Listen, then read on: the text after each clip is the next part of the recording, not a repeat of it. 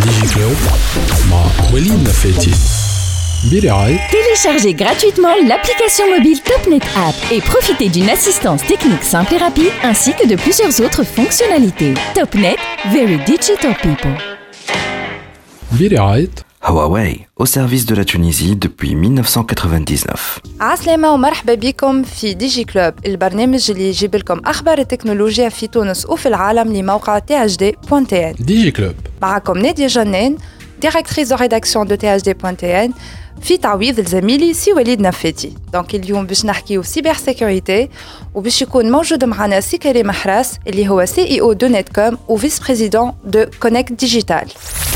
DigiClub Podcast Assalam Merci Karim. Donc, euh, avant de démarrer l'interview, je voudrais euh, revenir un peu sur ce que vous faites. Donc, si vous pouvez euh, vous présenter rapidement. D'abord, merci pour euh, l'invitation. Aïsak. Anna Karim Mahrez, donc euh, j'ai- je suis un entrepreneur. J'ai fondé la première société qui a introduit IP en 92 et qui a introduit le premier firewall en Tunisie en 97. Donc euh, sur le sujet d'aujourd'hui de la cybersécurité, euh, c'est un beau sujet pour moi puisque j'ai été à la base de la réflexion autour de la cybersécurité. Parfait. Donc justement, euh, je pense euh, il faut absolument revenir sur ce que c'est que cette, euh, cette cybersécurité. Donc, si vous pouvez euh, nous expliquer un peu. Alors la cybersécurité euh, a suivi l'évolution du numérique dans le monde. Au début, on protégeait essentiellement les réseaux. Quand on installait des produits, ce qu'on appelle euh, les firewalls, etc., c'était pour, le ré- pour les réseaux. Ensuite, euh, il y a eu euh, une, une arrivée énorme d'applications à l'époque de Facebook, de, donc euh, dans les années 2000-2006. c'est les applications qui sont devenues très importantes. Et là, je ne veux pas rentrer dans les techniques puisque la cybersécurité, on, ouvrait, on fermait des portes sur les firewalls. Bah, voilà, les applications en marche. Ben, sur un port, on avait une application. Après, on, on, on- on devait avoir plus de 900 applications sur un seul port. Donc, la cybersécurité a évolué de l'infrastructure vers l'application. C'est-à-dire, C'est la deuxième génération. Euh, on assiste aujourd'hui à une arrivée d'une troisième génération où la surface d'attaque wallet aquabiesser grâce à l'Internet des objets. Aujourd'hui, euh, on ne parle plus de data d'application. L'arrivée de nouvelles technologies telles que la 5G et la 6G et ce qui va arriver va nous obliger à réfléchir aussi Internet des objets. Et si vous voulez, on va en parler parce que si on veut que l'indus- l'industrie évolue dans tous les domaines, hein, l'industrie 4.0, euh, la télémédecine, euh, l'assurance, on a besoin d'Internet des objets. Donc on est obligé aujourd'hui de passer au troisième niveau de la cybersécurité. Parfait. Et pour une personne اللي ما تفهم حتى شيء في التكنولوجيا وفي لي ريزو وفي الحكايات هذوما الكل سي كوا لا سيبر سيكوريتي Eh ben, il faut, alors, euh, quand on met un système d'information, un site web, tout le monde achète sur le web, il faut savoir que derrière, il y a des gens qui sont malveillants, qui sont là pour euh, écouter euh, ce qu'on fait et même bloquer aussi bien des mobiles portables que des sites web, que ce qu'on a vécu, parce qu'il y a eu différents types d'attaques sur le plan des personnes, mais aussi sur le plan pour les entreprises, les banques, euh, les hôpitaux, etc. Donc euh, la cybersécurité, c'est quelque chose, c'est comme le frein dans une voiture. hein. Pour faire, euh, on a un accélérateur, on a un embrayage, ou la- si c'est une voiture auto- au- automatique, pas d'embrayage, mais un frein. Donc euh, le frein, c'est un peu la cybersécurité. La transformation digitale, c'est l'accélération. Oui. Et la cybersécurité, c'est le frein. Parfait. Et sinon, en termes euh, de risques, les risques majeurs, où est les plus fréquents en termes de quand on parle de cybersécurité? Alors ça dépend, ça dépend de quoi on parle. Si c'est pour des personnes, euh, ça peut être euh, usurpation de données sur les mobiles, etc. C'est- c'est pas... Mais c'est c'est pas là où c'est grave. C'est grave quand on parle de PME, de- d'entreprise, d'industrie, euh, quand on parle de banque. Parce que c'est quoi une banque? C'est un, c'est, c'est un organisme de confiance où on met notre argent. Si la banque est attaquée, si l'argent disparaît, eh ben, euh, la banque n'est pas, n'est pas là pour faire son, son travail. Donc les banques, euh, avec l'arrivée de l'Internet des objets, il y a de nouvelles attaques sur la santé, etc. Donc ça dépend. Pour les personnes, c'est leurs données. Pour les entreprises, c'est carrément les données de l'entreprise, mais Oui. ça peut aller plus loin. Et euh, Kenji, on a en termes de vulné- vulnérabilité, شكون ينجم يكون معناتها il est quelle quelle structure ou à quelle entité في اللي حكينا عليهم هذوما ينجموا يكونوا enclin معناتها à être euh, ولا euh, euh, si, si on peut se permettre معناتها ينجموا يكونوا عرضة أكثر لل- les risques هذوما. Euh, eh ben, il faut se positionner dans la peau d'un attaquant. Où est-ce qu'il va gagner de l'argent? Qu'est-ce qu'il va faire? S'il attaque une assurance qui m'a une assurance a été bloquée pendant 15 jours, euh, eh ben, il peut demander des rançons derrière. D'ailleurs, une des meilleures attaques depuis quelques années, c'est ce qu'on appelle les ransomware. On bloque et on demande de l'argent en bitcoin. Donc, euh, on, c'est des, c'est des rançons. Euh, récemment, il y a eu un hôpital en Europe qui a été attaqué. On a demandé 40 bitcoins, donc 300 000 euros à peu près, et, même plus. Hein, c'est des montants qui sont demandés pour des banques qui vont au-delà de ces montants-là. Parfait. Saint-Jean-Chaïl Tunis. Oui. Quel est l'état des lieux?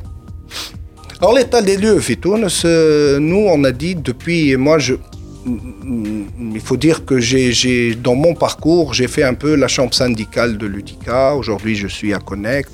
Donc on a essayé d'aider les différents gouvernements à passer. Et en 2013, lors de la construction du phénomène euh, Tunisie Digital, on a attiré l'attention pour dire que la souveraineté numérique est quelque chose d'important. Et pour que la souveraineté numérique soit là, c'est-à-dire que nos données tunisiennes soient sous le contrôle du gouvernement tunisien, je ne parle pas des personnes. Les personnes, c'est fait. Là, ouais. Toutes nos données sont déjà chez Facebook. Nous, on communique à travers Messenger. Euh, et, juste euh, une parenthèse là, euh, par rapport à Facebook, euh, 271 likes sur Facebook et Facebook nous connaît mieux que notre conjoint. Donc, c'est des algorithmes d'intelligence artificielle. Donc, euh, sincèrement, moi, je suis en train de voir un peu l'évolution des débats. Le fait de vouloir Facebook, Google, etc., c'est déjà trop tard. Maintenant, ce qu'il faudrait protéger, c'est là où on a attiré l'attention des gouvernements, c'est nos données sensibles. Mhm. Quand je dis nos données sensibles, je parle de l'électricité, nos compteurs électriques, je parle de la défense, je parle de la santé, je parle des données de la défense. Hadoma, euh, c'est euh, des données qui ne doivent pas être à la disposition d'autres pays. Parce qu'il s'agit, au XXe siècle, il y, avait, la colonisation des territoires, quand on était colonisé, hein, les territoires tunisiens euh, étaient colonisés, algériens, marocains aussi. Aujourd'hui, la colonisation, elle est numérique. Donc euh, en 2040, si quelqu'un veut euh, éteindre euh, la lumière et qu'on ne contrôle pas les données dans un endroit, avec l'Internet des objets, hein, une entreprise à qui on va donner nos données d'Internet des objets, nos compteurs, etc., seront capables d'agir dans notre pays. Wahna, on n'a pas le contrôle de nos données, mhm. comme si on n'avait pas le contrôle de nos territoires. Parfait. Et est-ce qu'on a éventuellement adopté la bonne stratégie Je pense qu'on est en retard d'abord. On est très en retard. Depuis 2013, on a dit la première chose à faire, c'est d'abord classifier les données, faire une classification des données. Et je pense que l'ANSI en Tunisie a commencé à faire une étude là-dessus. D'ailleurs, euh, j'attends de voir les, les résultats pour dire quelles sont les données sensibles qui doivent rester ici euh, pour parler de cloud souverain, de stocker les données en Tunisie. On a besoin de voir la classification des données. Je sais qu'il y a une étude qui a été lancée, qu'on s'est benchmarké avec plusieurs autres euh, pays euh, similaires à la Tunisie, mais euh, Aujourd'hui, réellement, je ne vois pas de vision. Peut-être parce que les gouvernements changent, peut-être parce que les ministres changent, mais euh, je pense qu'on a pris beaucoup de retard à cause des différents euh, gouvernements qui sont passés et on n'a pas de vision là-dessus. Parfait. Et sinon, comment est-ce qu'on peut le rattraper ce retard? Alors, on le rattrape. En fait, si on le rattrape avec la vision construite en 2013, c'est déjà dépassé. Donc l'IUM, l'évolution, et notamment euh, l'arrivée de l'intelligence euh, artificielle, mhm. aujourd'hui, il faut comprendre qu'il y a en moyenne, en moyenne, 300 000 menaces jour. 300 000 menaces par jour. Et les menaces sont devenues, euh, et les attaques, je veux dire, sont devenues euh, des attaques dirigées par l'intelligence artificielle, par des algorithmes. Donc nous, quand on a dit en 2013, il faudrait réfléchir à la souveraineté, on a pensé data et on n'a pas pensé à l'intelligence artificielle ni à l'Internet des objets d'ailleurs. Aujourd'hui, les choses ont évolué. Comment rattraper le retard? Je pense que non seulement il faut aller mettre une vision rapidement pour que les entreprises, notamment on a énuméré 35 OIV, opérateurs d'importance vitale. Mhm. La STEG, les opérateurs, la CNSS, les banques, les opérateurs d'importance vitale. Non, seulement on doit les, les accompagner pour la sécurité, mais en plus l'État doit réfléchir à une deuxième phase. Aujourd'hui, moi je dis, de par mon poste et peut-être par mon expérience dans ce domaine, on sera incapable de diriger la cybersécurité puisque aujourd'hui, c'est des États qui attaquent. Donc la Tunisie, comme l'Europe d'ailleurs, doit travailler avec d'autres pays justement pour se protéger en général oui mais la vitesse avec laquelle l'intelligence artificielle et la vitesse avec laquelle le monde du numérique est en train d'avancer fait qu'aujourd'hui, moi je dis en 2021, on ne peut pas réfléchir comme en 2013. En 2021, l'État tunisien doit comme en Europe d'ailleurs, j'ai lu hier, on pourra parler de l'Europe. Oui. C'est un vrai débat, la cybersécurité en Europe. Euh, il faut absolument voir avec d'autres pays ou à des constructeurs mondiaux pour pouvoir être en alerte en temps réel, puisque le 21e siècle, c'est le temps réel, des attaques pour pouvoir se protéger et oublier de dire on va nous-mêmes se protéger et être euh, meilleur que d'autres. On ne peut pas être meilleur que la Chine, on ne peut pas être meilleur que l'Iran aujourd'hui, que la Russie, que des pays qui sont spécialisés dans la cybersécurité. Donc l'UOM, il faut des alliances, il faut des pays qui se regroupent ensemble, travailler sur des visions de cybersécurité. Parfait. on reviendra euh, avec plus de détails donc, euh, sur cette stratégie nationale juste après la pause. DigiClub Podcast.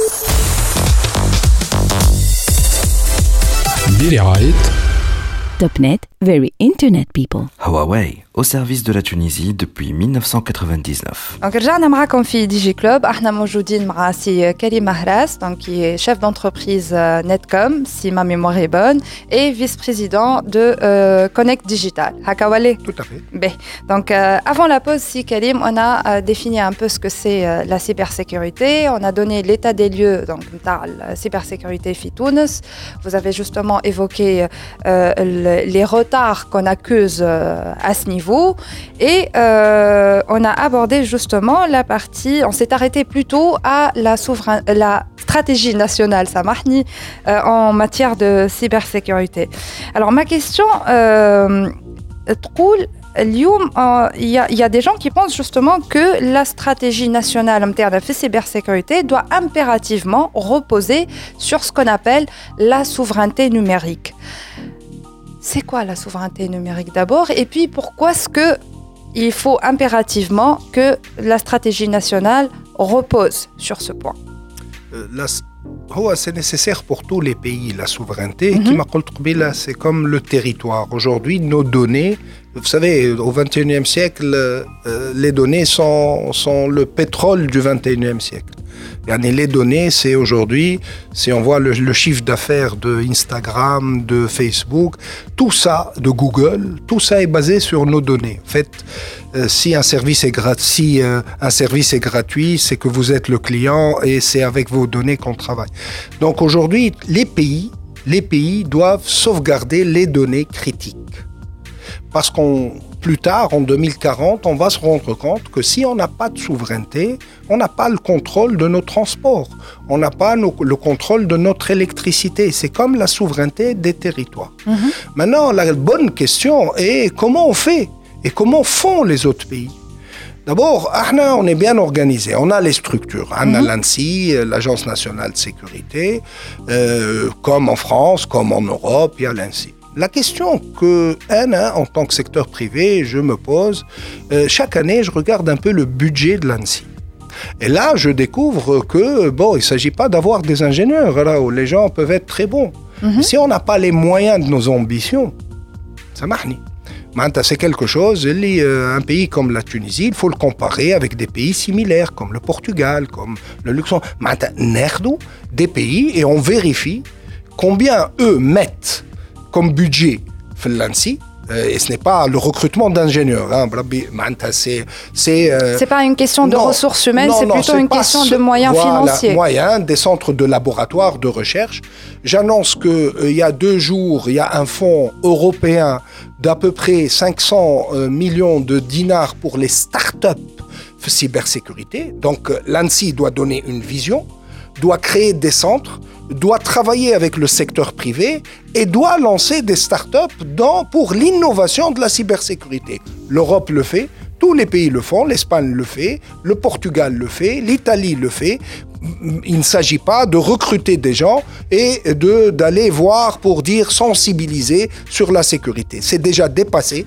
Aujourd'hui, il faut des moyens, il faut mettre des fonds pour ça, il faut créer des startups pour la cybersécurité et faire en sorte que l'écosystème travaille pour protéger le pays face aux invasions, aux attaques de l'extérieur. Où est-ce qu'on peut chercher ces fonds? Les fonds, écoutez, il y a des fonds partout. Hein. Les fonds, il faut d'abord mettre la vision, négocier avec les fonds. Euh, la Banque mondiale est là, la mhm. BAD est là. Euh, aujourd'hui, je sais qu'il y a des fonds pour l'éducation, il y a des fonds pour la santé, il y a des fonds, mais il n'y a pas de fonds pour la cybersécurité. Personne ne le négocie. Il faut négocier un fonds pour la cybersécurité, on a le fond des fonds avec euh, euh, les règles, il n'y a pas la, stratégie de cybersécurité pour créer des startups, pour créer des entreprises. Ces entreprises, ce n'est pas le secteur privé. Public ou privé. Les, les, les entreprises du secteur privé sont tunisiens ils vont travailler avec l'ANSI pour protéger la stègue ou le col. Donc aujourd'hui, on est passé à un monde où il faut travailler en collaboration et en intelligence collective. L'ANSI, comme la NCE d'ailleurs, comme c'est des organismes de gouvernance et ils sont là pour réguler le marché, derrière, il faut que le secteur privé se développe à travers des fonds pour que le secteur de la cybersécurité se développe. سامحني انت سي كريم جبت على لو فون ديفون vous êtes en train de me dire si j'ai bien compris hein كان غلطه صلح لي vous êtes en train de dire que dans ce fonds là il faut consacrer peut-être une partie pour financer des startups spécialisées uniquement en cybersécurité c'est ça? Tout à fait d'accord comme fait l'Europe comme fait la France. Hier, c'était 175 millions d'euros pour un fonds pour les startups de cybersécurité. Parfait on ne peut pas parler start-up, cybersécurité sans parler transformation digitale, Tout à fait. B. Euh, donc, Kif Nebdeo sur une entité X. Elle est sur un projet de transformation digitale. Oui. Euh, à quelle phase fait le projet? Il faut penser à la cybersécurité. Dans les années 90, voire 2000, nos banques, moi j'ai travaillé dans plusieurs banques, on installait les réseaux, les systèmes d'information et on mettait une équipe de cybersécurité pour protéger par la suite. C'était bien, même très bien, jusqu'aux années 2012-2013. Aujourd'hui, je risque de choquer en disant que tout développement d'un nouveau produit doit être réfléchi en sécurité au moment de la conception. Ce qu'on appelle en termes dans le jargon des professionnels mhm. le secure by design.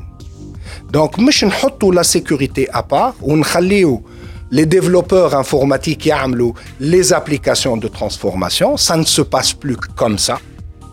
Aujourd'hui, il faut que la sécurité soit réfléchie en même temps que la conception si on veut créer de nouveaux produits, que ce soit dans les logiciels ou dans l'industrie 4.0, quand on parle d'Internet des objets, des robots, etc. La sécurité doit être réfléchie en même temps que la conception du produit. Voilà, mais je voudrais attirer l'attention sur quelque chose.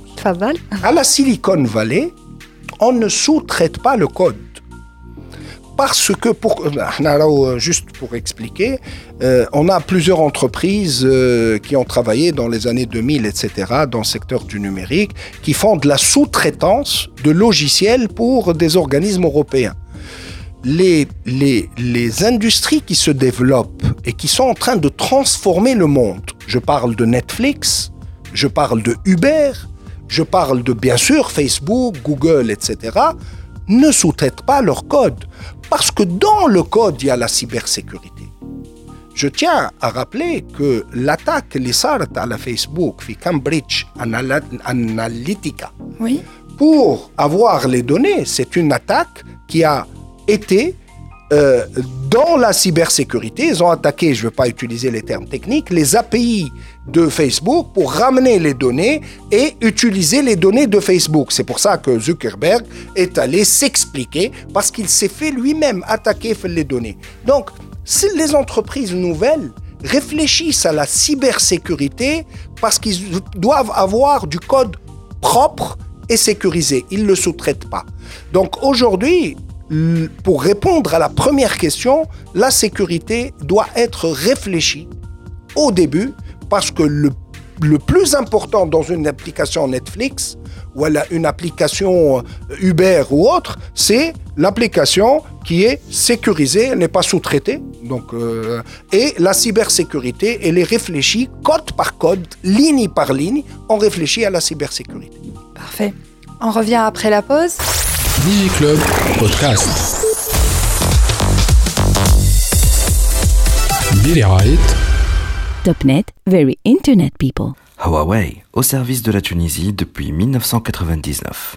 رجعنا معاكم في دي جي كلوب ومعنا سيكالي محرس donc vous êtes chef d'entreprise Netcom et vice-président de Connect Digital. Tout à fait.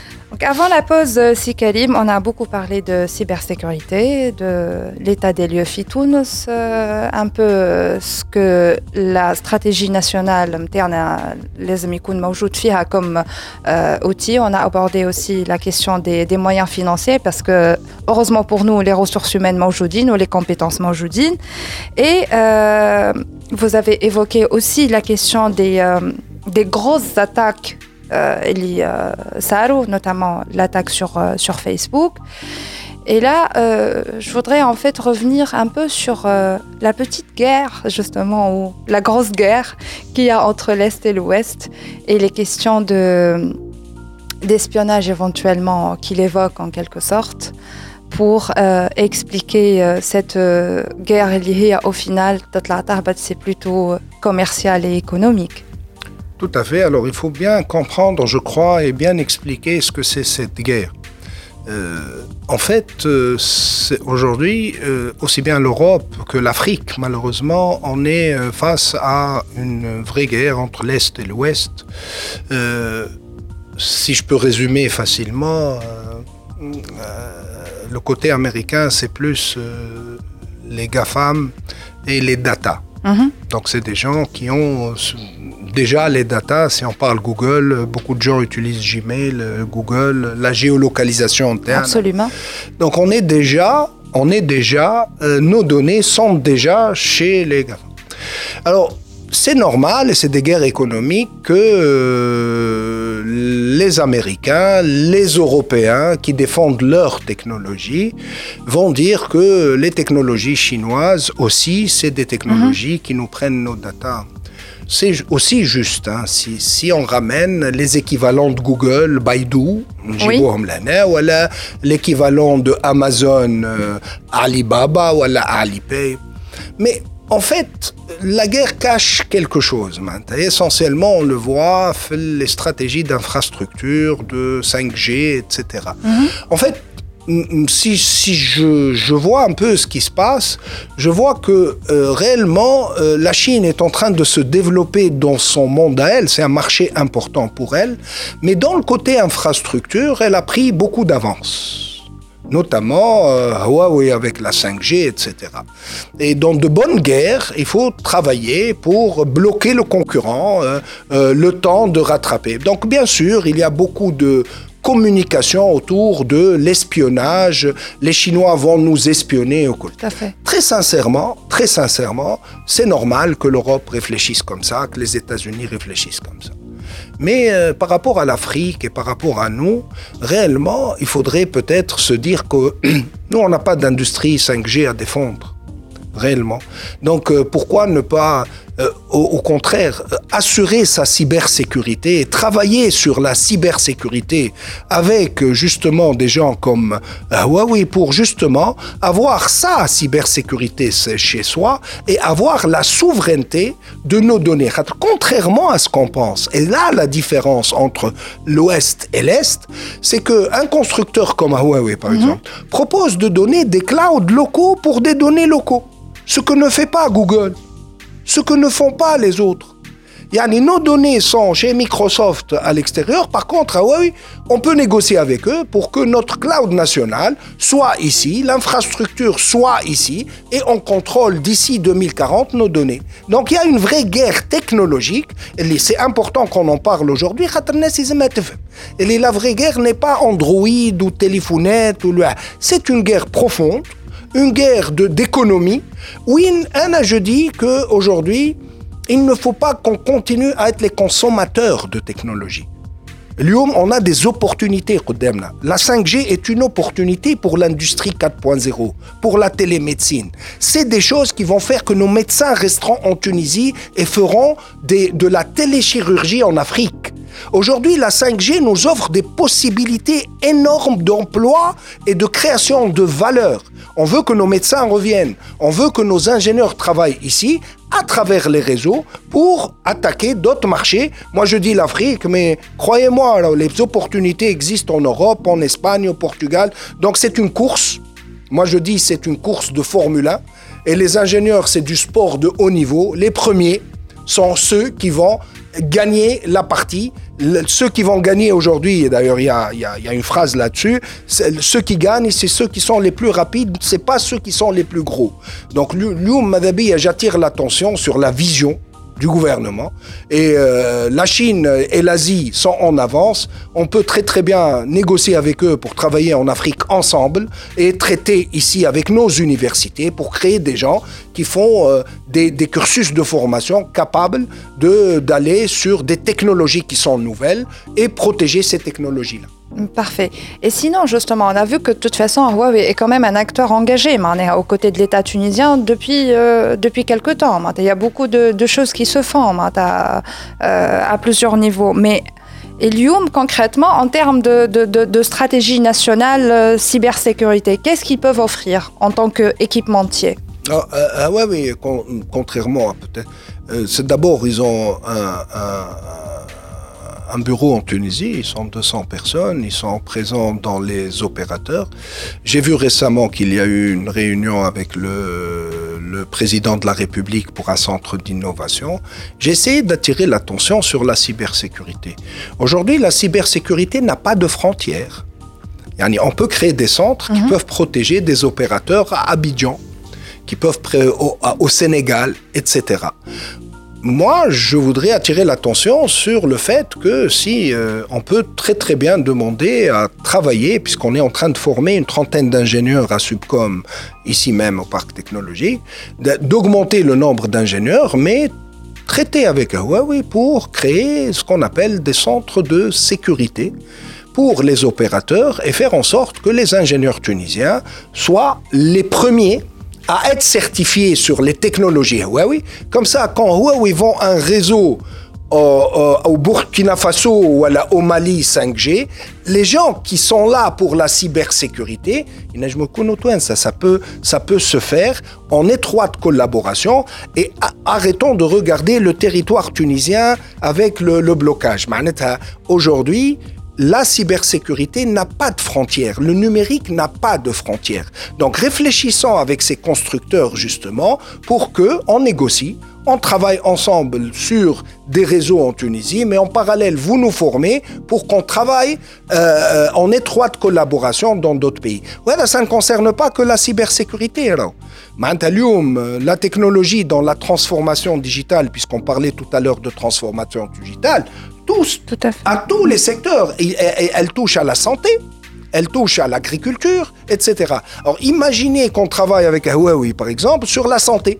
C'est ce que sur la santé et qu'on nos médecins deviennent numériques pour la téléchirurgie avec Huawei. Si Huawei demain vend un hôpital en Angola et qu'elle a des médecins prêts à faire fonctionner la télémédecine. Elle va les prendre du, du, du continent africain. Elle va pas ramener des Chinois.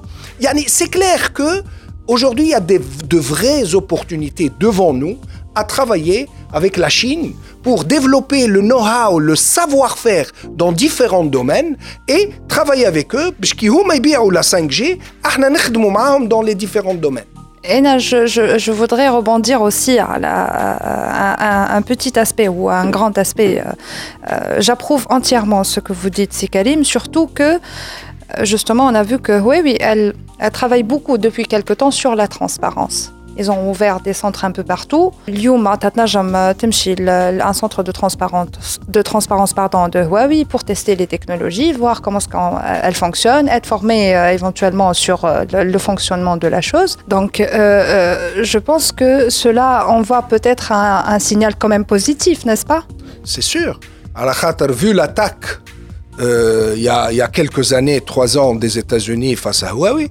Ils ont investi pour dire, là, ce qui se dit n'est pas juste. Venez, tester, on investit, c'est la totale transparence. Venez tester. Nous, on n'est pas là pour euh, espionner ni pour ne prendre. Ça peut se faire par d'autres organismes en Chine. Hein. Je ne suis pas en train de dire que la Chine n'est pas. Non, non, il y a des organismes. C'est l'intelligence économique, elle est là. Il faut savoir, chaque pays doit savoir se sécuriser euh, intelligemment il faut être assez intelligent pour savoir qu'on a des ingénieurs qui peuvent suivre toutes les trames qui sortent du pays et savoir qu'on a été espionné ou Encore une fois, je dis que la cybersécurité fait partie de la stratégie nationale de souveraineté.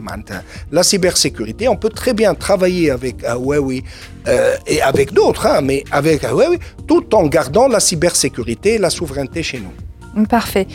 Et euh, en termes de normes, Sikalim, on a vu que quand même, oui, elle a adopté les normes de cybersécurité pour la 5G, et euh, le NESA, c'est bien cela? Oui, alors euh, il y, y, a des normes au niveau mondial. Mhm. Mais récemment, moi, j'étais sur un salon d'IoT et de 5G euh, en Europe parce que les salons en présentiel reprennent, tant mieux pour nous. Le monde reprend. Euh, euh, il y a des normes qui sont encore pas là, même pas en Europe. Moi, j'ai la norme e EN 303 645 qui sera opérationnelle en Q2 2022. Donc, euh, alors quand on parle de normes, c'est important. Quand on parle de normes, oui, l'infrastructure Huawei est conforme aux normes. Aujourd'hui, si on n'est pas sur ces normes-là, les sous-traitants d'automobiles, les câbles ou mhm. les sensors, demain, s'ils veulent vendre à leurs fournisseurs, ils doivent eux-mêmes être normalisés. Yani, je ne parle pas de télécom la 5G, c'est pas des télécoms, La 5G, c'est l'industrie 4.0, c'est l'usine connectée, c'est la téléchirurgie, c'est l'agriculture connectée. Il a كم اليوم ما نبداوش نخمو في les normes, nos industriels de demain vont faire des produits qui ne seront pas normalisés Internet des objets. Et du coup, on ne pourra pas les vendre. Bien sûr qu'on ne pourra pas les vendre parce que on pense que la 5G, c'est le téléphone euh, bien sûr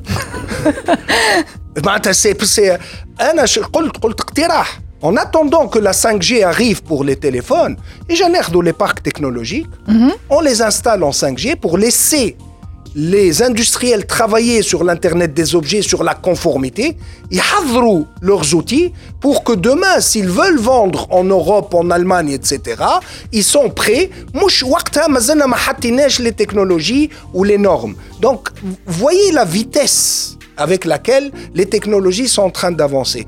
Malheureusement, on raisonne euh, 5G on voit que c'est l'évolution de la 4G qui m'a خممنا ما بين 3G ou le 4G نستناو في في فيلم باش يجي فيه ساعة صحيح باش يجي 10 fois plus rapidement le film آه، باش نشوفوا حاجات extraordinaires باش نشوفوا الرياليتي فيرتويل mais راهو la 5G c'est pas du tout ça c'est c'est une vitesse qui va être augmentée mais c'est un million d'internet des objets au kilomètre carré يعني c'est des villes intelligentes c'est tout est connecté dans une ville انا اليوم on parle d'edge computing, plus de cloud computing. Chaque région doit avoir son support pour gérer la région. Toutes les villes deviennent intelligentes. Regardez ce qui se passe en Asie. Moi, j'invite tous les gouvernements à aller visiter l'Asie. Allez regarder comment Shanghai, caméra tout, tout est, on, paye avec le visage. On est, c'est hors norme, Même, même, moi je vous dis, hein, je vais à la Silicon Valley, même la Silicon Valley observe ce que fait la Chine. Mais il risque d'y être quand même. Euh, qui fait on a quand même, euh, je, je trouve, à mon sens, qu'il y a quand même des réticences parce que il y a euh, de la réticence du fait que, ah, généralement, on a peur du changement. C'est humain, d'avoir peur du changement, mais on vit le début d'un nouveau siècle. Et d'ailleurs, on se, on est devant un mur de pourquoi nos ingénieurs partent, pourquoi nos médecins partent. C'est normal. Quand l'administration, euh, on fait tout et, tout le monde fait tout pour essayer de bloquer les drones, par exemple, pour moi, la loi sur les drones, avec 90 articles, c'est tout sauf installer un drone. drone C'est l'agriculteur qui a besoin de drones et les gens. C'est pas. Alors, il faut être un pilote pour gérer, pour, répondre aux, aux besoins de la loi. Donc, très sincèrement, vous me ramenez au discours un peu politique de vision qu'on a essayé de faire en 2013-2014. Aller dans le numérique, c'est une vision. C'est on veut y être, voilà, on veut pas y être. Si on veut y être, mais لازمناش on réfléchit en mode linéaire حتى نفهموها باش نخرجوها. En mode linéaire هذيك. حتى نكملوا 5G باش نعمل. على خاطر ما كملنا احنا وفهمنا الا ما غلبونا دول الاخرى وفي الاخر هما يبيعونا. Alors qu'on a les compétences pour que justement, si la vision est juste et qu'on a compris où on est, donc on peut très rapidement être dans la course. Et le monde nous donne cette opportunité d'être dans la course. Les technologies nous offrent l'opportunité. Moi, il y a trois ans en Afrique, euh, euh, j'ai été invité à une conférence, même pour l'Afrique. Je dis, sincèrement, on parle de cybersécurité aujourd'hui. La blockchain, c'est un réseau de cybersécurité décentralisé. Hein, depuis l'époque, je dis, réfléchissez à مش راهو blockchain crypto-monnaie bark. Je parle des smart contrats entre les pays pour faire du peer-to-peer. C'est vrai qu'on L'Afrique a tendance devrait- à associer aux crypto-monnaies أكثر منه حاجة أخرى alors que c'est pas alors, le cas. ce qui a été dit il y a trois ans, اليوم, il faut attendre que Facebook lance sa monnaie en blockchain pour que les gens réagissent. احنا اليوم, si on veut être dans la course et on veut être agile, il faut comprendre ce qui se passe autour de nous, avoir une vision et prendre des risques. Alors, en Chine, عندهم حرف حلو ياسر. حرف حلو.